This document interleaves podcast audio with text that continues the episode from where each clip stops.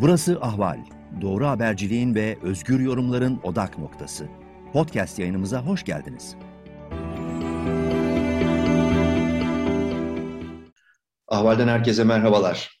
Bugünkü başlığımızı dersimiz tarih diye koyalım. Çünkü 8 e, yıl öncesine gideceğiz. 8 yıl öncesine gitmemizin sebebi e, eski bakanlardan, Çevre ve Şehircilik Bakanı idi o zamanlar, 2013 e, gezi sonrasında istifa etti daha sonra. Çevre ve Şehircilik Bakanı AKP'li Erdoğan Bayraktar'ın e, geçenlerde meslektaşımız Altan Sancar'a bir yazışma üzerinden yaptığı açıklamalar oldu.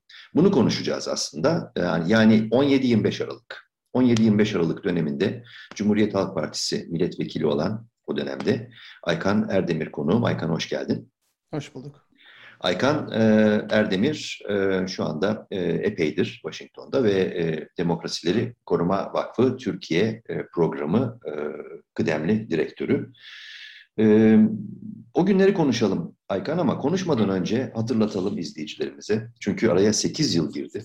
Bir kuşak daha geçti aslında. O yeni kuşak ve şu anda belki önümüzdeki seçimlerde ilk kez oy kullanacak olan kuşak e, sorsak 17-25 Aralık desek çoğu bilmeyebilir. E, tam olarak bilgi sahibi olmayabilir. E, Erdoğan Bayraktar ile birlikte üç bakan daha, Egemen Bağış, Zafer Çağlayan ve Muammer Güler. E, ortaya çıkan bu iki dev yolsuzluk dosyasının bir tanesi 17 Aralık'ta geldi, diğeri 25 Aralık'ta geldi. 17 Aralık'taki Rıza Zarrab ve Halkbank adıyla anılan dosya, yani İran ile e, işte altın üzerinden e, ve Amerikan ambargosunun etrafından dolaşılarak yapılan kabaca tarifle e, bir yasa dışı ticaret üzerinden yürüyen bir organize iş dosyası. Diğeri de aralarında Bilal Erdoğan'ın da olduğu 96 e, şüphelinin e, ismen geçtiği El-Kaide bağlantılı bir takım iş adamlarının da içinde olduğu işte e, suç örgütü kurma, rüşvet vesaire gibi suçlamaların yer aldığı ikinci dosya. Erdoğan Bayraktar ne dedi? E, Altan Sancar'la yaptığı şeyde e, bu tapeler yani bu ses kayıtları benimle ilgili olanlar doğruydu dedi. Yani, e, ve bunları doğruladı. Bir nevi itiraf olarak algılandı bu. Ve e, yine devamen aslında e, dönemin başbakanı, şimdiki Cumhurbaşkanı Erdoğan'a bağlılığını tazelemiş oldu. Her şeye rağmen işte ben o davanın adamıyım dedi. Ama e, günümüz Adalet ve Kalkınma Partisi kadrolarını e, yağcılık ötesinde şebekler olarak da niteledi. Belli ki bir husumeti var, artan bir öfkesi var onlara. E, ama e, aslına bakarsan yani e, 25 Aralık'ta NTV televizyonuna çıkıp televizyon telefonla verdiği mülakatta açıkça istifa etti ve başbakanı da istifa et, etmeye çağırmıştı. Şok etkisi yaratan bir bir açıklamaydı bu. NTV'de birdenbire pimi çekilmiş bir bombayı kucağında buldu. Çünkü otosansürün merkezlerinden bir tanesiydi NTV. E, Ferit Şahenk'le Erman Yardelen'in yönetici olduğu televizyon ve onu yani alelacele örtbas ettiler. Anadolu Ajansı, Sabah vesaire. Olayın üstüne bir tek Cumhuriyet Gazetesi gidebildi. Her neyse olan oldu. Ondan sonrası malum. Yani 17-25 Aralık tarihe geçti. Ama 2014 yılı boyunca gerek muhalefetin gerekse medyanın e, lakayıtlığı diyebileceğimiz tavrı nedeniyle, gecikmesi, pasifliği nedeniyle kendisine net fırsatlar çıkan dönemin başbakanı Erdoğan çeşitli ustaca manevralarla hem yargı içerisindeki operasyonlarla savcıları görevden aldı, pasifize etti, daha sonra aforoz etti, hatta cezalandırdı. Ve çeşitli medya yasakları üzerinden medyayı kendi yanına çekti, çeşitli söylemlerle. Ve iş birdenbire yani işte Gülen cemaati bir darbe yapıyor Adalet ve Kalkınma Partisi iktidarına ve bizzat Erdoğan'a ya dönüştü.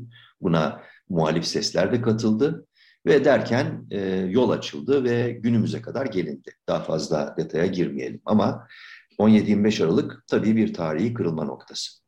O sıralarda e, yaşananlar malum ama lafa son Erdoğan Bayraktar açıklamalarından sonra adı geçtiği için dönemin Türkiye Büyük Millet Meclisi Başkanı Cemil Çiçek girdi.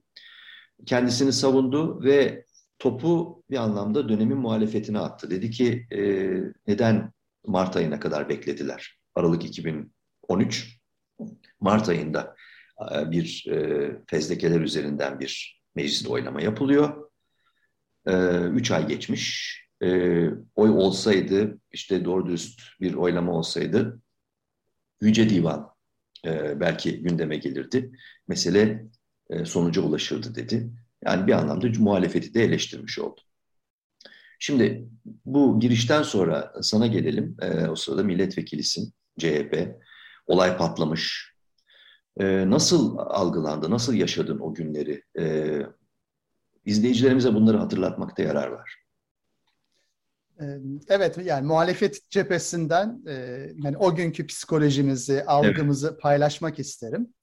Erdoğan'ın sonu... paralel yapı, paralel yapı hemen yani o zamanlar tabii FETÖ kavramı yoktu. Paralel yapı derken tabii ki işte dershanelerle patlayan ciddi bir Gülen Erdoğan kavgası var ve yaygın o zamanlar yaygınlık kazanan resmileşen görüşe göre bu kavga ve intikam e, hamlesi işte bir darbe olarak e, Erdoğan ve ailesinin başına patladı ve bakanlarının başına patladı.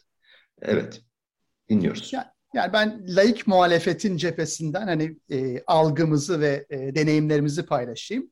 Hani bizim açımızdan 12 Eylül 2010 referandumu sonrası hani Türkiye'deki Erdoğan-Gülen ittifakının mutlak zaferi e, ve sonrasında başlayan bir güç paylaşımı savaşı vardı.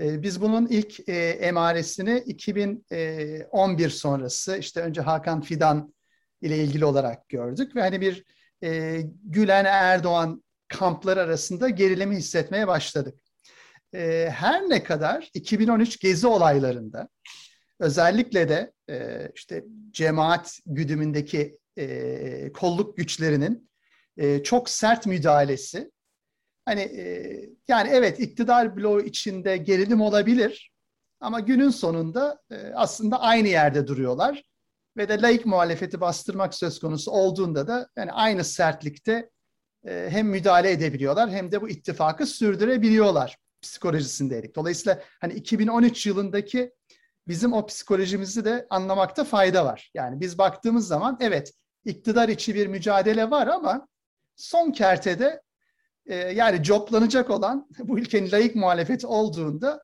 e, aynı yerde buluşabiliyorlar diye düşünüyorum. Dolayısıyla Aralık yani 17-25 Aralık süreci e, bizim için gerçekten şoke ediciydi. Şu anlamda e, böyle bir şey kesinlikle beklenmiyordu. Hani bugün AKP medyası geçmişe dönük böyle e, revizyonist bir tarih yazıyor. Hani CHP sanki böyle bir kumpasın içindeymiş. İşte e, Kasım e, sonunda e, işte CHP'nin Amerika gezisi sanki bununla ilgili bir komplonun parçasıymış gibi yansıtılıyor ama o gezide de yer alan bir kişi olarak söyleyebilirim ki hani CHP böyle bir sürecin yaşanabileceğine ilişkin en ufak bir ipucuna sahip değildi. E, hatta hala bizde Gezi'nin travması vardı. Yani evet bir Erdoğan Gülen gerilimi vardır ama bu öyle kolay kolay kırılacak bir ittifak değildir. Yine o job bizim kafamıza iner psikolojisi vardı. E, dolayısıyla hani 17 Aralık'ta e, bizim için de böyle bir çok şaşırtıcı bir yeni güne başlangıç oldu. Şimdi o sürecin diğer bir boyutu da şu, e, yani burada bir öz eleştiri de yapmak gerek hani ana muhalefetin ve belki de Türkiye'deki layık muhalefetin e, genel yaklaşımı bu yolsuzluk hattı üzerinden oldu. E, şimdi bunda aslında yanlış bir şey yok. Elbette ortaya dökülen müthiş bir yolsuzluk ağı var. E, ve bunu ortaya dökenler her kim olursa olsun. E, yani elbette CHP de şunun farkındaydı. E, artık bugünün e, kolluk güçleri, bugünün yargısı bütünüyle Erdoğan ve Gülen'in güdümü altındadır. Ve dolayısıyla böyle de bir opera, operasyon yapılıyorsa bu iktidar bloğu içindeki bir çatışmanın, çelişkinin sonucudur. Biz bunun farkındaydık. E, fakat o noktada e, tüm bu çerçeve yolsuzluk üzerine kurulduğu noktada hani muhalefet de yolsuzluk hattı üzerinden yürüdü. Bunun iki sıkıntısı vardı. Birincisi e, bu Şurada yerel seçim... Sorabilir miyim? Yolsuzluk hattı üzerinden yürüdü ama E, o zamanki e, yani layık muhalefet ve özellikle CHP içindeki akıl yürütmelerde biraz da şu yok muydu? Yani evet çatışıyorlar, bırakalım çatışsınlar. Çünkü sonuç olarak bu kırılma bizim işimize yarayabilir. Siyaseten bize artı değer getirebilir. Dolayısıyla bırakalım, geri planda duralım. Akıl yürütmesi yok muydu? Şöyle bu kısmen doğru. Yani bu çatışmadan muhalefet kazanır algısı vardı. E, ama müdahil de olundu. Şu anlamda müdahil olundu. Bu yolsuzluk e, tartışmalarına muhalefet de aktif olarak katıldı. Yani bu yolsuzluk tartışmalarını e, bir anlamda daha yüksek sesle dile getirdi. Şimdi burada yanlış olan bir şey yok ama şöyle bir stratejik sıkıntı var. Birincisi e, bizim yerel seçim sürecinde de yaşadığımız gibi, sürecinde de yaşadığımız gibi Türkiye'de yolsuzluk söyleminin ne yazık ki İskandinavya'da olduğu gibi bir karşılığı yok. Dolayısıyla e, İmamoğlu bile kampanyasını yolsuzluk üzerine ya da temiz siyaset üzerine kurmadı, israf üzerine kurdu. Şimdi bir, bir mesele bu. Yani Türkiye'nin kendine özgü siyasi kültür meselesi nedeniyle belki de e, yolsuzluk hattı tek başına anlamlı ve doğru bir strateji değildi. Birinci sıkıntı bu. İkinci sıkıntı e, yolsuzluğun dışında aslında burada çok büyük iki farklı mesele vardı. E, bunların e, başında e, bir e, ulusal güvenlik boyutu vardı. O da şu ki bunu ne yazık ki hani ben şahsen dile getirmeye çalıştım zaman zaman ama genel olarak muhalefet olarak yetersiz kaldığımız nokta şuydu. Ortada müthiş bir casusluk ve milli güvenlik skandalı var. Yani e, Türkiye'nin Orta Doğu'daki önemli rakiplerinden İran İslam Cumhuriyeti'nin e, Türkiye'de çeşitli bakanları, bürokratları, hani neredeyse devlet mekanizmasını parasıyla satın aldığı, kendi hizmetine aldığı bir durum söz konusuydu. Şimdi bunun bir benzeri eğer bir Batı demokrasisinde yaşansa e, öncelikle bu skandal nedeniyle büyük bir patlama olur. Yani bu bir yolsuzluk meselesi olarak algılanmaz. Bu yani resmen hükümetimiz bir rakip devletin e, güdümüne girmiş. Hani ücretli elemanı olmuş e, diyerek tarihin en büyük skandalı yaşanırdı. Şimdi biz bunu açıkçası e, Türkiye'nin de ne yazık ki zor koşulları içinde yeterince aktaramadık. Yani burada bir vatana ihanet meselesi olduğu, bir casusluk meselesi olduğu, Türkiye'nin bakanlar ve yüksek düzey bürokratlar düzeyinde satın alınmış bir e, durumda olduğunu anlatamadık. Bu birinci eksikliğimiz. İkinci eksikliğimiz de şu, meselenin yolsuzluk dışı önemli bir ekonomik boyutu vardı. Ki bu, bu boyut bence ortalama vatandaşa daha hitap edebilecek bir boyuttu. O da şu. Şimdi İran yaptırımlarının delinmesi meselesi e, bugün biliyoruz ki yaklaşık 20 milyar doların üzerinde e, bir e, bir kaynağın Türkiye'den çeşitli yollarla İran'a aktarılması yani yaptırımların bypass edilerek etrafından dolanılarak aktarılması meselesiydi. Şimdi burada bizim anlatmamız gereken mesele şuydu. E, çünkü ortalama vatandaş diyordu ki Amerikan yaptırımlarından bize ne? E zaten Türkiye'de güçlü bir anti-Amerikan hissiyat var.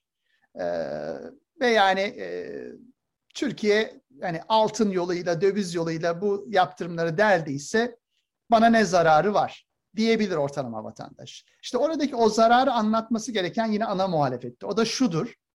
Eğer yaptırımlar delinmeseydi İran'daki rejim bu Türkiye'deki 20 milyar dolarını ya da 20 milyar doların üzerindeki kaynağını Türkiye'den e, bu insani istisnalar adı verilen gıda, ilaç, giyim ve benzeri kalemlerde mal ve hizmet alarak çıkarmak zorunda kalacaktı. Yani Türkiye İran'a yapacağı 20 milyar dolarlık mal ve hizmet ihracatından adeta vazgeçti.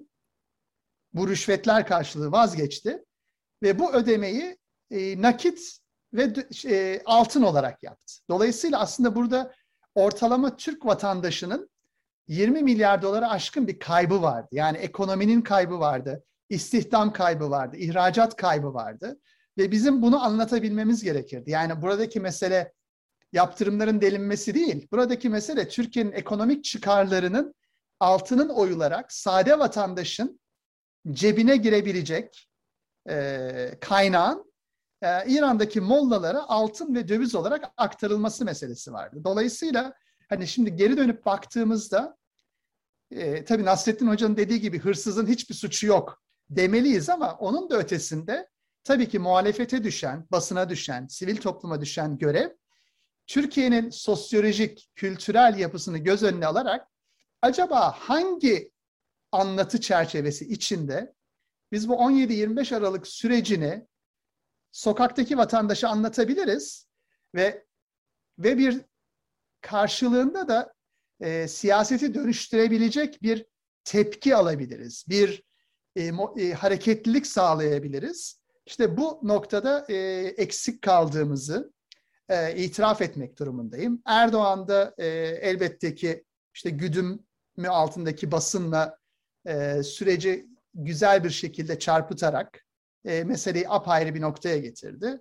E, ve işte aradan 8 yıl geçti. Bugün geç de olsa çeşitli itiraflar geliyor. Her ne kadar e, Erdoğan Bayraktar sonra tekrar kendini biraz düzeltmiş olsa da e, o dönemki gibi yine çeşitli itiraflar geldi. E, ama ne yazık ki hepimiz biliyoruz ki bu itirafların da çok bir önemi yok aslında. Çünkü artık Türkiye'de gerçekliğin bir önemi yok. Bir paralel evrende Türkiye'deki bütün siyaset tartışmaları zuhur ediyor, devam ediyor. Ama tabii ki muhalefet için buradan çıkarılması gereken dersler, e, verilmesi gereken bir öz eleştiri var. Katılıyorum. Evet, bir öz eleştiri ihtiyacı var. Yine e, Cemil Çiçek'in sorusuna gelelim. Yani dönemi birebir e, yaşadın, tanıklık ettin. Yani neden Mart ayına kadar bekledi muhalefet? Tabii kastettiği ana muhalefet, CHP. Aralık, Ocak, Şubat, Mart, 3 ay. Neden bekledi diyor. Bu bekleyişin arkasındaki sebep ne? Herhangi bir şekilde bu iki dosyanın içeriğiyle ilgili, somut içeriğiyle ilgili kuşkular mı vardı CHP içerisinde? Yoksa bunları bir veri olarak kabul ediyor muydu e, ana muhalefet partisi? Ya bu dosyalar sağlam dosyalardır, içi dolu dosyalardır mı deniyordu? Bu sebepten ötürü ya da içi boştur ya da acaba şüpheli midir diyerek mi e, bu bekleyiş hali? E, neden anında hamle edilmedi? E, fırsat çok büyüktü çünkü bu dosyalar ortaya çıktığında.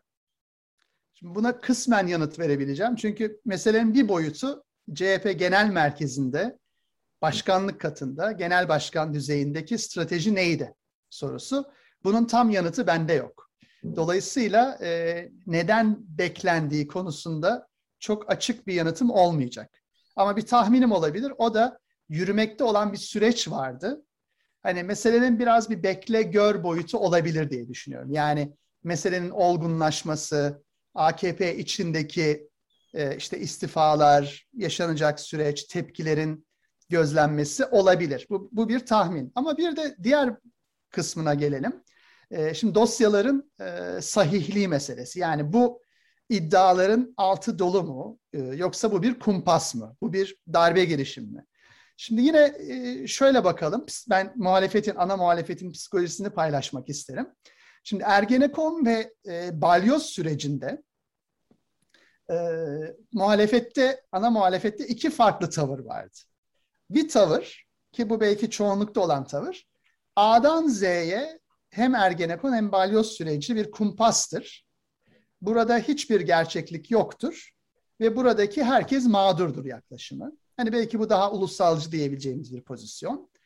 Ee, bir de e, daha azınlıkta olan, benim de içinde yer aldığım Ergenekon ve Balyoz sürecinde önemli ölçüde tahrifat, sahte delil e, vardır. Yani önemli ölçüde bir kumpas boyutu vardır ama aynı zamanda da e, darbe gerçek darbeciler ve gerçekten insanlığa karşı suç işlemiş hani adeta cani diyebileceğimiz kişiler de vardır. Hani dolayısıyla hani kuru ve yaş bir aradadır. Ve e, bizim yaklaşımımız kumpas boyutu nedeniyle gerçek darbeciler ve gerçek işkenceciler ve gerçek infazcılar da bu süreçten kurtulacaklar diye öngörüyorduk. Bu biz haklı çıktık. Yani bu ikinci yaşadığımız oldu. Şimdi Ergenekon ve balyoz sürecinin ardından yine cemaatin yargıdaki ve polisteki yapılanmasının başat olduğu bir 17-25 Aralık sürecinde elbette muhalefet öncelikle kuşkuyla baktı bu dosyalara. Fakat hani bizim e, yaptığımız sağlamalarda hani bu dosyalarda e, herhangi bir e, kumpas boyutuna rastlamadık. E, şimdi şu soru gelebilir. Yani muhalefet nasıl bir sağlama yapabilir ki? Bunu nasıl kontrol edebilir ki? Hemen e, örneğin Dani Rodrik örneğine dönelim.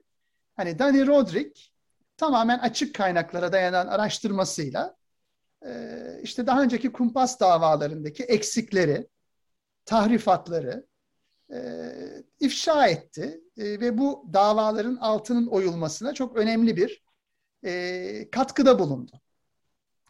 Ve bazı batılı gazeteciler de benzeri araştırmacı gazetecilik örnekleri verdiler.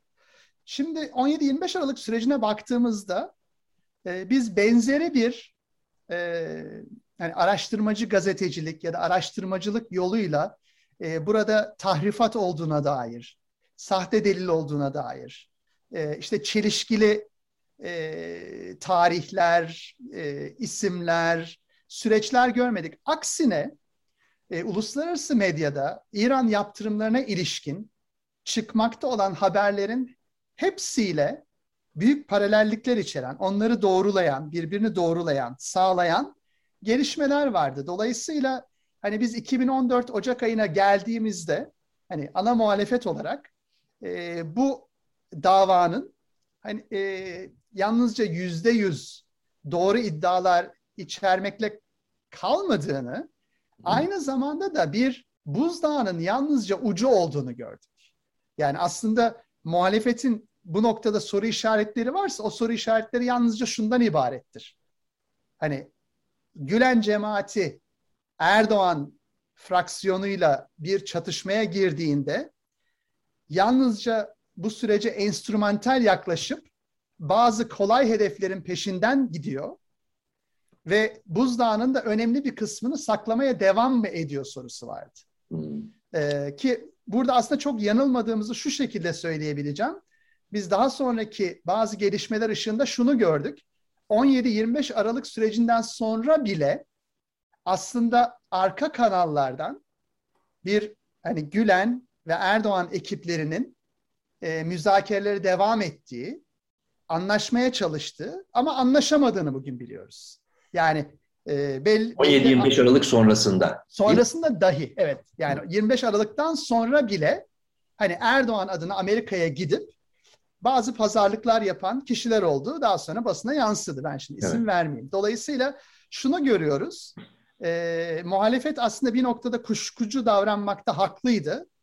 E, çünkü e, bu süreç yani buzdağının e, o büyük gövdesi hiçbir şekilde açığa çıkmayacak şekilde de devam edebilirdi. Yani hani bir anlamda muhalefet ortada kalabilirdi. Ama bu demek değildir ki muhalefetin stratejisi doğruydu, işte e, et, sonucu etki ediciydi.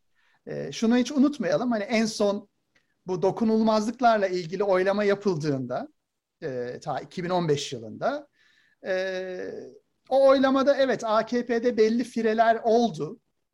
E, hatta bakanlar düzeyinde de bu firelerin farklılaştığını gördük.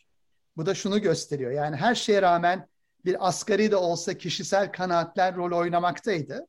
Fakat her şeye rağmen yine de AKP'nin her dönem yani 2015'e kadar hiç değişmeyecek şekilde bir çoğunluğu vardı aslında. Yani bu süreci bloke edecek bir çoğunluğu vardı. Dolayısıyla hani Cemil Çiçek'in açıklamalarını da hani ben bu anlamda biraz böyle e, nasıl diyeyim iyi niyetle iyi niyetli açıklamalar olarak görmüyorum. Çünkü günün sonunda bu süreci bloke eden Cemil Çiçek'in başkanlığını yaptığı bir meclis ve o meclise her şeye rağmen e, kıl payı da olsa bir çoğunlukla hakim olan bir AKP grubuydu. Dolayısıyla hani şuna emin değilim. Eğer ana muhalefet bu süreci çok farklı yönetseydi meclis çoğunluğu açısından bir fark olur muydu emin değilim. Ama kamuoyu algısı ve uluslararası algı açısından bir fark olurdu. Bu noktada bu eleştirilere katılıyorum. Hatta bir öz eleştiri yapıyorum. Yani biz ana muhalefet olarak bunu bu süreci çok daha iyi çerçevelendirebilirdik. Meselenin casusluk, vatana ihanet, ulusal güvenlik boyutunu ve de ekonomi boyutunu yani vatandaşın cebine dokunan ekonomi boyutunu çok daha iyi anlatabilirdik. E, müzakereleri ve polemikleri yolsuzluk boyutundan çıkarabilirdik. E, ve e, belki de takipçi olmak yerine en önemlisi belki bu. Sürecin takipçisi olmak yerine sürecin taşıyıcıları, öncüleri olabilirdik. Çünkü belki e, şu doğru bir tespit olabilir. E, Erdoğan içinde, e, Gülen cemaati içinde yolsuzluk paradigması her iki kesiminde tercih ettiği bir paradigma oldu. Yani Erdoğan da bu işi yolsuzluk boyutunda tutmak istiyordu. Gülen cemaat de yolsuzluk boyutunda tutmak istiyordu. Muhalefet de bu egemen gündemin peşine takıldı. Belki muhalefetin yapması gereken tamam siz kendi aranızdaki anlaşmazlıkları yolsuzluk paradigması üzerinden çarpıştırmak, belki de çözmek istiyor olabilirsiniz. Ama biz muhalefet olarak burada bir ulusal güvenlik ve casusluk gündemi görüyoruz. Bir de ekonomi gündemi görüyoruz. Vatandaşın geçimiyle ilgili bir gündem görüyoruz. Biz kendi gündemimizi, kendi çerçevemizi kuracağız. Siz takipçi olup olmamakta e, hani evet. kendi kararınız diyebilmeliydi diye düşünüyorum. E, Cemil Çiçek ve AKP boyutuna tekrar geri dönelim. Aslında söylediklerinin e, bir boyutuna ışık tutmak lazım. O da şu 19 Mart'ta savcılık fezlekeleri geliyor. İşte önce e, Adalet Bakanlığı'na başka bir yere gidiyor. Adalet Bakanlığı'na gitmesi gerekiyor deniyor. Adalet Bakanlığı'na gidiyor vesaire. Oyalama taktikleri uyguluyor iktidar tabii. Her neyse Meclis Genel Kurulu'na geliyor ve e, toplanıyor meclis ve e, işte e, o gün biraz gerginlik yaşanıyor. Ama şunu da vurgulayalım. O zaman şimdi e, işte Gelecek Partisi Başkanı olan veya Deva Partisi e, kurucuları ve arasında yer alan ya başkanı olan şahsiyetler, Ahmet Davutoğlu, Ali Babacan başka bir takım isimler o zaman tabii e, Erdoğan'ın yanında yer alıp e, bir şekilde geri püskürtüyorlar bu bakanlarla ilgili. Ya bakanların aklanmasına aracılık et, etmiş oluyorlar. Bir birinci vurgulanması gereken şey belki bu. E, burada bilmiyorum görüşlerini almak isterim ama daha önemlisi belki e, bütün bu işte topu muhalefete atan dönemin meclis başkanı Cemil Çiçek bir şekilde bir komisyon kuruluyor. Yani yolsuzluk rüşvet iddialarını incelemek için e, 2014 ortalarına doğru yanlış hatırlamıyorsam ve bu Ekim ayında çalışmalarına başlayan bir komisyon. Fakat birdenbire Kasım ayında Cemil Çiçek'in bizzat başkan sıfatıyla başvurusu üzerine Ankara 7. Sulh Ceza Hakimliği meclis tarihinde bir ilk olarak e, niteleniyor bu. E, yayın yasak koyuyor bu komisyonla ilgili bütün haberleri. Yani bir de işin bu boyutu var. E, hem AKP içinde şimdi muhalefete geçmiş olan işte şahsiyetler, onların henüz yapmış ol, yapmamış olduğu açıklamalar önemli ilgili başta Ahmet Davutoğlu olmak üzere ama diğer taraftan Cemil Çiçek'in bir e, sansürcü olarak komisyonun faaliyetlerinin kamuoyu tarafından e, bilinmesine engel teşkil eden e, tasarrufu. Bu ikisi de önemli herhalde değil mi bütün bu süreç içerisinde? Evet, Türkiye'de e, her şeye rağmen hani muhalefet, ana muhalefet, laik muhalefet bir öz eleştiri yapmakta. E, ama e, en önemlisi e, bugün AKP içinde yer alsın, yer almasın. E, kişilerin ve kurumların da bir öz eleştiri yapması gerekiyor. Çünkü günün sonunda e, muhalefetin yetersizlikleri her ne olursa olsun buradaki büyük ahlaki çöküntü AKP içindeki bir ahlaki çöküntü. Kişilerin ve kurumların çöküntüsü ve belki de muhalefetin eylemine gerek kalmadan bir batı demokrasisinde zaten öncelikle o kurum içinde çözülecek. Yani başta istifa müessesesi olmak üzere e, çözülecek. E, hatta meclise gerek kalmadan yargı sürecinde çözülecek meseleler. Şimdi e, bu noktada e, bu işte saydığımız isimlerin e, hiçbiri e, doğru noktada duramadı. Doğru bir pozisyon alamadı. Bu meselenin bir boyutu ama diğer bir boyutunu da vurgulayalım. İstifalar Yalnız, oldu bu arada vurgulayalım. Ha, istifalar açalım. oldu. Ee, Özdalga, Ertuğrul evet. Günay, e, İdris Naim Şahin yanlış hatırlamıyorsam evet. Hakan Şükür e, partiden istifa ettiler. E, evet, yani istifalar doğru. oldu. Evet. E, fakat e, şu yaşanmadı. Şunu söyleyeyim öncelikle.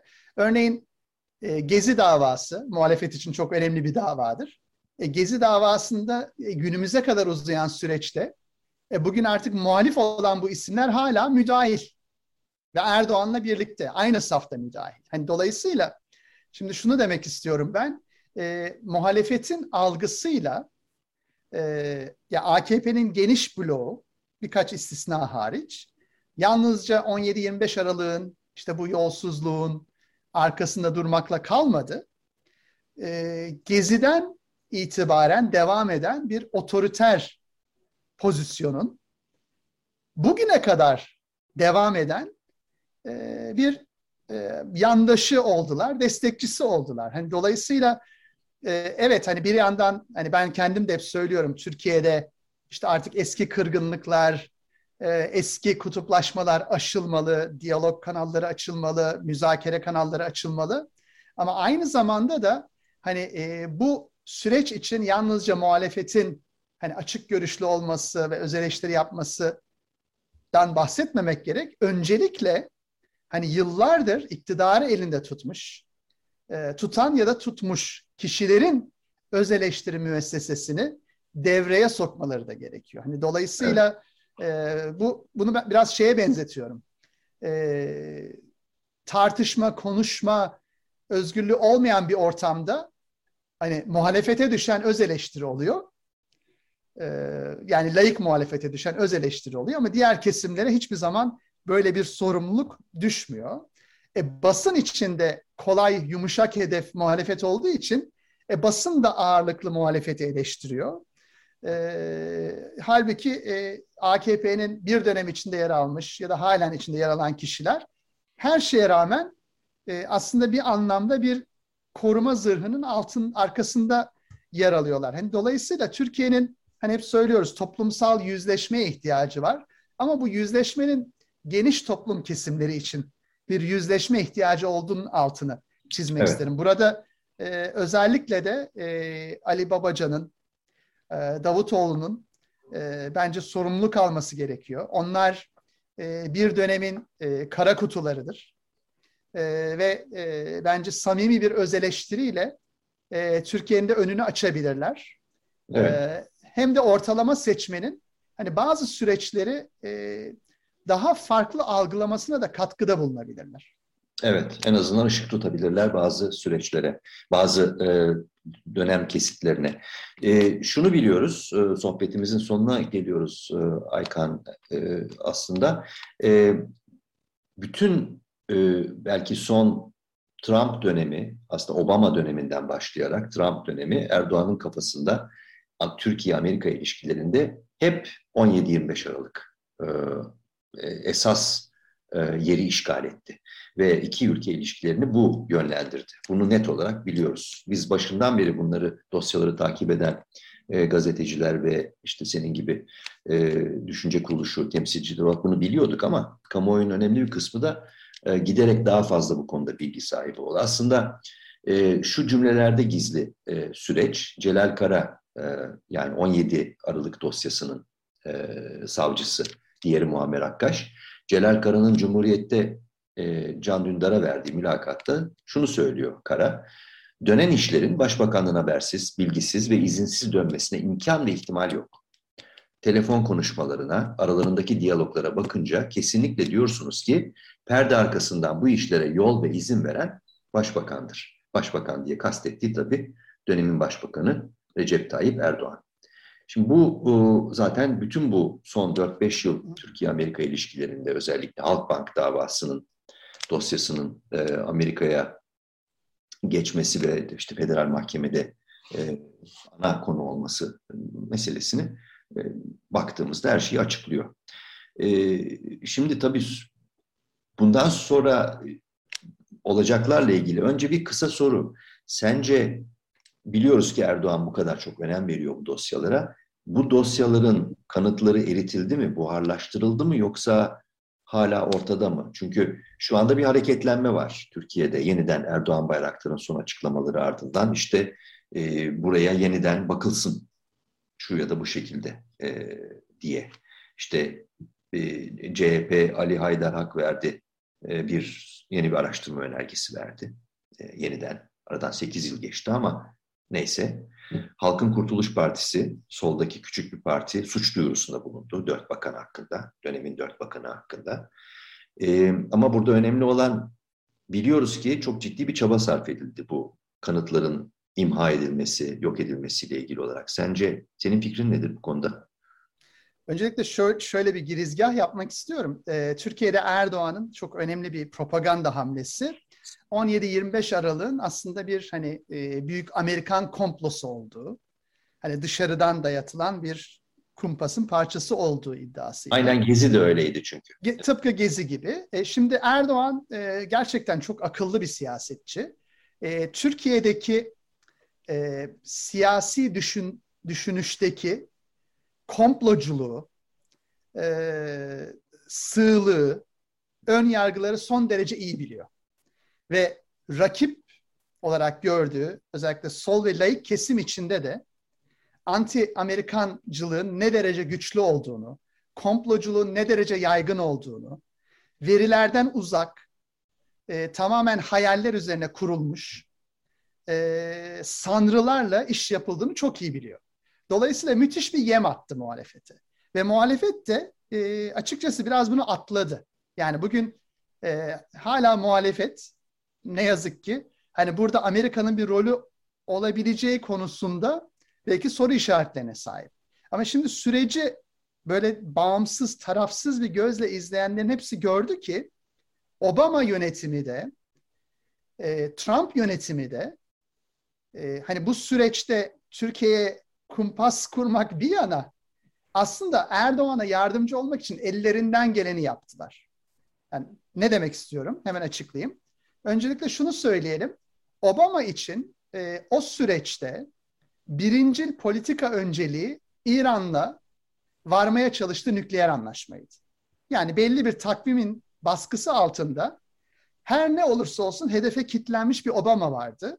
Ve bu nedenle de İran'ın yaptırım delme faaliyetlerine göz yuman, e, İran altınla Amerikan yaptırımlarını bypass ederken e, Amerikan Kongresi'nde e, bu süreci tıkama hamlesini bile geciktiren, yasa çıktığında bile bunun 6 ay sonra devreye girmesini sağlayan, hani adeta İran'a ve de Türkiye'ye e, hani bu üç kağıtta kol kanat gelen bir hükümet vardı Amerika'da. Hani dolayısıyla e, Amerikan komploculuğu Türkiye'de çok yaygın ama ortada bir komplo varsa gerçekten bu işin üzerine örtmeye ya da bu işi görmemezden gelmeye yönelik bir siyaset vardı Beyaz Saray. E, elbette Amerikan Hazine Bakanlığı'nda e, bürokratlar var ve bu bürokratlar kendi görevlerini yapıyorlar. Yani bir yandan da işleyen bir Amerikan e, işte bürokrasisi yani yargıdan tutun Hazine Bakanlığı'na kadar istihbarata kadar işleyen bir bürokrasi vardı ama siyasi irade söz konusu olduğunda aslında Obama yönetimi Erdoğan'ı kollayan bir yönetimdi. Trump yönetimi de e, Amerika'daki Zarrab davası olarak başlayıp Atilla davası olarak devam eden ve hükümle sonuçlanan ve bugün de Halkbank davası olarak devam eden süreçte Trump yönetimi elinden gelen yardımı yaptı. Yani bu süreci yavaşlatmak için New York Güney Bölge Mahkemesi savcıları üzerinde baskıdan tutun, Adalet Bakanı'nın müdahil olmasına kadar, e, Erdoğan'la çeşitli rehine takası görüşmelerine kadar yani önce Zarrab'ı takas etme, daha sonra Atilla'yı takas etmeyi içerecek skandalları da içeren her türlü işbirliğine girişildi. Yani dolayısıyla ortada bir Amerikan müdahilliği varsa o müdahillik hep Erdoğan, Obama Değil ve mi? Erdoğan, Trump üzerinden ilerledi ve Erdoğan'ı koruma, kollamaya yönelik bir müdahaleydi. Dolayısıyla eğer bugün hala Amerika'da işleyen bir süreç varsa bu yolsuzluk ve e, yaptırım delme süreçlerine ilişkin bu tamamen bağımsız yargının ve de yine hükümetlerden bağımsız bürokrasinin işleyişinin sonucudur. Yani denge ve denetleme ve güçler ayrılığının sonucudur Amerika'da. Şimdi bunu da muhalefetin iyi idrak edip Türkiye'ye anlatması gerekiyordu aslında. Yani Erdoğan'a dönüp sen bir Amerikan kumpasından, komplosundan bahsediyorsun ama ortada tek bir kumpas var. O da senin önce Obama yönetimiyle daha sonra e, Trump yönetimiyle kapalı kapılar ardında yaptığın pazarlıklar ve seni ve yolsuzluklarını ve yaptırım delme çabalarını ve rehine pazarlıklarını saklamaya yönelik girişimlerdir diyebilmeliydi. Ama bunu diyemedi. Neden diyemedi?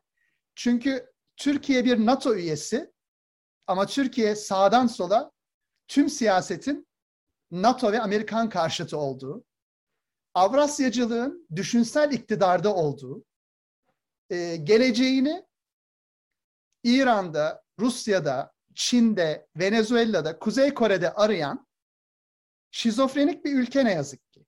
Yani bir yandan e, yaşam tarzı açısından yüzü batıya yönelik, dönük, çocuklarını batıda eğiten, tüketimini batıda yapan, batının lüksünü ve yaşam koşullarını talep eden bir ülke var.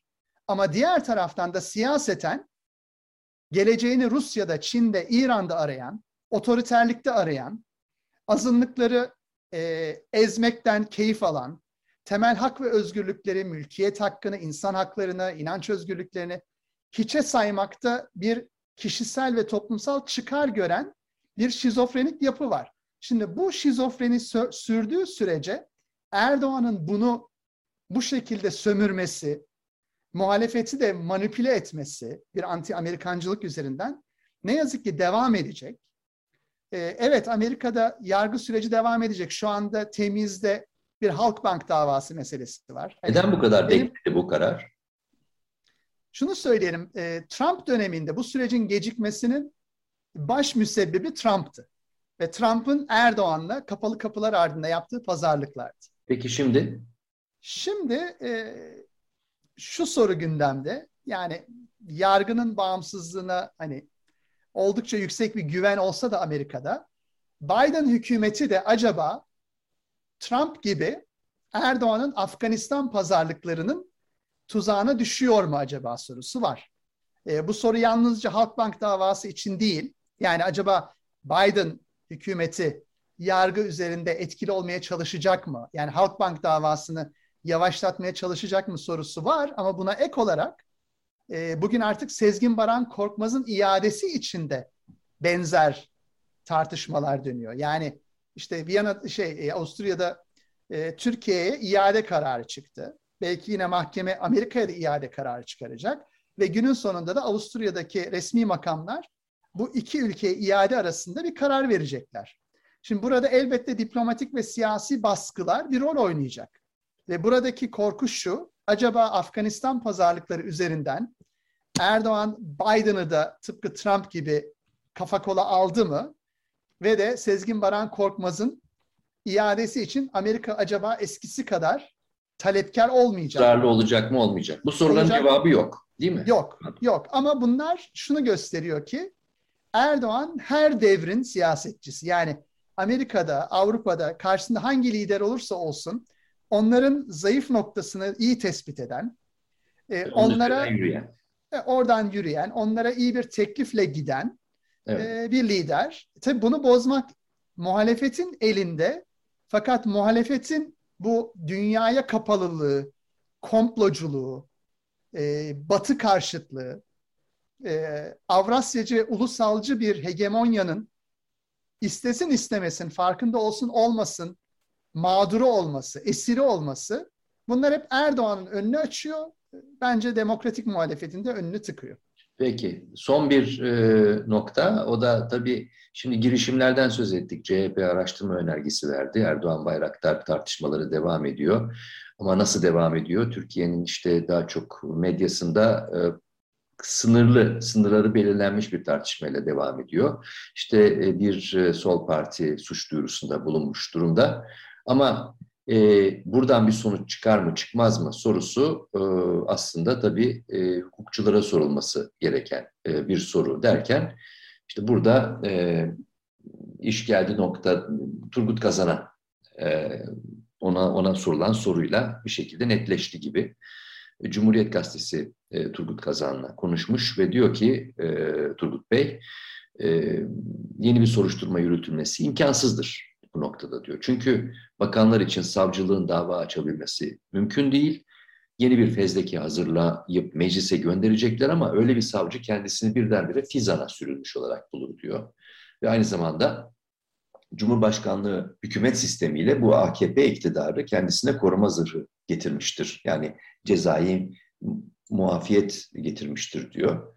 E, peki ısrar ediyorlar yani meclise fezleke gelirse ne olur filan. Yani nasıl olacak diyor. Yani AKP çoğunluğunu aynen okuyorum. İkna mı edeceğiz? Bu mümkün değil. 301 oyla soruşturma önergesi verebileceksiniz. 366 oyla milletvekili oyuyla soruşturma komisyonu kurulacak ve 401 oyla Yüce Divan'a sevk edilecek. Yani diyor ki sonuç olarak hükümet sistemi, yeni yönetim sistemi, Cumhurbaşkanlığı hükümet sistemi sadece tek adam yetkilerini artırmıyor. Aynı zamanda bakanlarına, yardımcılarına yani hepsine çoğunluk zırhı sağlıyor diyor. Ee, şimdi tabii bu tartışılacak önümüzdeki günlerde. Devam ediyor. E, hukukçulara pek bakan yok. Biraz yarım yamalak, sığ bir tartışma Türkiye'de her zaman olduğu gibi, pek çok tartışmada olduğu gibi. Ama sana sormak isterim, kısaca yanıtını almak isterim. Bu noktada 8 yıl geçtikten sonra Erdoğan Bayraktar'ın açıklamaları ardından herhangi bir e, yeni bir perde açılması mümkün mü? Yeni bir aşamaya geçilmesi mümkün mü? Yoksa e, boşa mı kürek sallanıyor? Yani Türkiye'nin karamsar ortamında karamsar bir yanıt vermek istemem. E, ama yeni bir iktidar gelmeden hani Türkiye'de e, bugünkü e, İslamcı e, ülkücü yapılanma son bulmadan e, bence tüm kanallar tıkalı ve dolayısıyla e, mev, mevcut cezasızlık kültürü kendini yeniden üretmeye devam edecektir diye düşünüyorum. Ha bu demek değildir ki e, muhalif kesimler e, bu süreci e, takip etmeye, gündeme taşımaya, ittirmeye e, devam etmesin, etsinler. Ama benim önerim, hani belki satır aralarında da biraz e, belirtmişimdir. E, bu meselenin bir de uluslararası boyutu var. Ve Türkiye bu içe kapalılıktan, komploculuktan, hani Avrasyacılıktan kurtulamadığı sürece bu meselenin e, yurt dışındaki imkanlarını kaçırmakta. Yani şunu demek istiyorum. E, Amerika'da görülecek bir Halkbank davası ya da Sezgin Baran Korkmaz'ın Amerika'ya iadesi sonrası e, Amerika'da bir itirafçı olması durumunda ortaya saçılacaklar. Ve benzeri süreçlerde yani e, örneğin işte e, Almanya'da e, Bankacılık Denetleme Kurulu BaFin'in e, Ziraat International e, yani Ziraat Bankası'nın Almanya'daki e, girişimiyle ilgili e, aldığı iddia edilen cezai müeyyideler bunların hepsi hukuki ve idari imkanlardır. Yani Türkiye'de kanalların tıkandığı noktada nasıl e, ağır aksakta olsa Avrupa İnsan Hakları Mahkemesi süreçleri kullanılıyorsa, e, nasıl başka uluslararası platformlar kullanılıyorsa, bu diğer ülkelerdeki yargı süreçleri, soruşturma süreçleri de yakın takip edilmeli. Hatta bu süreçlere müdahil olunmalı. Ama şunu biliyoruz ki Türkiye siyasetinde ne yazık ki dil engeli var, kültür engeli var, birikim engeli var, komplocu zihniyet engeli var, batı karşıtlığı, yani Avrupa Birliği karşıtlığı, Amerikan karşıtlığı engelleri var.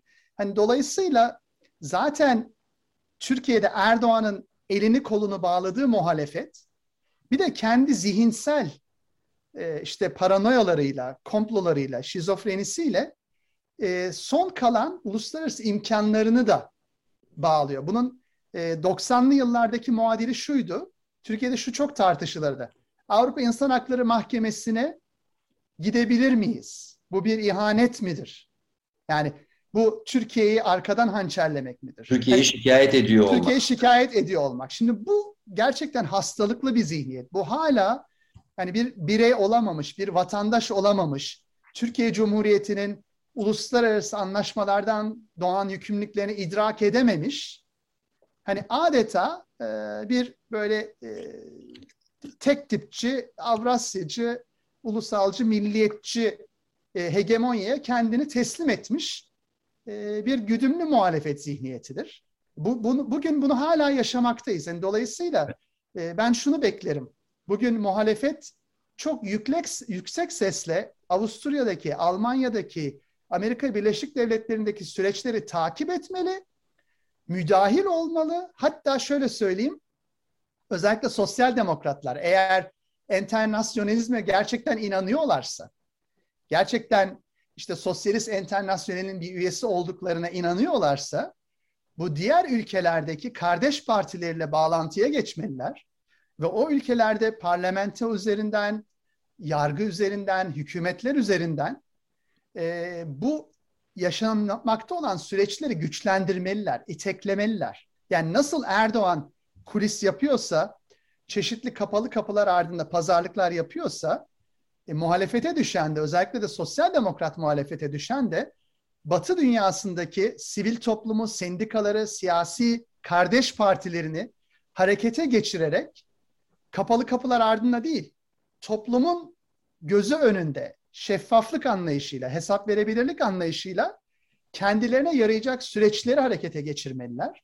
Yani, ben bu noktada zayıf kalındığını düşünüyorum. Yani yolsuzlukla eğer ciddi mücadele edilecekse senin çağrın bir siyasi cesaret çağrısı muhalefete aslında. Yani cesaretinizi toplayın ve e, bir takım riskleri göze alın ve bütün ve bu uluslararası ringe çıkın. Yani küresel ringe çıkın. Uluslararası e, alanda zeminde yürümekte olan bir takım e, davalara müdahil olun. Gözlemci ve müdahil olarak katılın e, ve onları e, bir şekilde hem tanığı olun hem de etkileyici gücü olun diyorsun. Hatta şunu da söyleyeyim. Evet. Bazen yanlış anlaşılıyor. Müdahil olmayı davalara gidip seyredin anlamında söylemiyorum. Müdahil olmak şudur. Örneğin Trump Halkbank davasını, e, Atilla davasını sekteye uğratmaya çalışırken doğru bir vizyonla bu sürecin karşısında yer alan Demokrat Partili senatörler ve temsilciler meclisi üyelerini bulup onlarla ortak hareket etmek, onların Trump'a karşı yürüttüğü mücadeleyi, araştırmacı gazetecilerin Trump'a karşı yürüttüğü mücadeleyi güçlendirmek gerek. Yani ve özellikle sosyal demokratları işaret etmemin sebebi de sosyal demokrasi zaten bu sınır aşan dayanışma, işbirliği, ortaklık üzerine kurulmuş bir ideoloji. Ama şimdi Türkiye'deki sıkıntı şu. Sosyal demokrasi ne yazık ki e, Avrasyacı, ulusalcı bir hegemonyanın esiri. Yani Türkiye'de enternasyonalist olmak sosyal demokratlar için hani adeta bir tabu. Evet sosyalist enternasyonel toplantılarına gidiliyor. Ama hani şunu söyleyeyim ben size Avrupa Konseyi Parlamenter Asemblesi'nde bile CHP'li milletvekilleri hep ya acaba Türkiye'ye ayıp olur mu anlayışıyla oy kullanıyorlar. Yani hani bir HDP yalnız bırakarak bir milli birlik ve bütünlük portresi çiziyorlar. Daha hala hani bir vatandaşlık hakları, yurttaşlık hukuku, uluslararası sözleşmeler ve onlardan doğan yükümlülükler, Avrupa İnsan Hakları Mahkemesi, Avrupa Konseyi e, doğru anlaşılamamış diye düşünüyorum. Evet. E, dolayısıyla önce zihinlerdeki bu zincirleri kırmak gerek diye vurgulamak evet. isterim. Peki, eski e, Çevre ve Şehircilik Bakanı Erdoğan Bayraktar'ın yankılar yaratan 17-25 Aralık dosyası ile ilgili yapmış olduğu açıklamalardan başladık. Ve e, genel olarak bir e, günümüz muhalefetinin e, durumu ve yapması gerekenler, yapmadıkları, yaptıkları noktasında e, sohbetimizi tamamladık. E, Aykan Erdemir, e, Washington'da Demokrasileri e, Koruma Vakfı Türkiye e, direktörü. Aynı zamanda eski Cumhuriyet Halk Partisi milletvekili e, dönemin yani 17-25 Aralık döneminin milletvekili. Hem o günleri hatırladık, biraz geçmişe e, bakış attık. Çok teşekkürler bu sohbet ve değerlendirme için Aykan. Ben teşekkür ederim. Tekrar görüşmek üzere. Dersimiz tarihti. Yakın tarihe bir bakış attık. Tekrar görüşmek üzere. Hoşçakalın.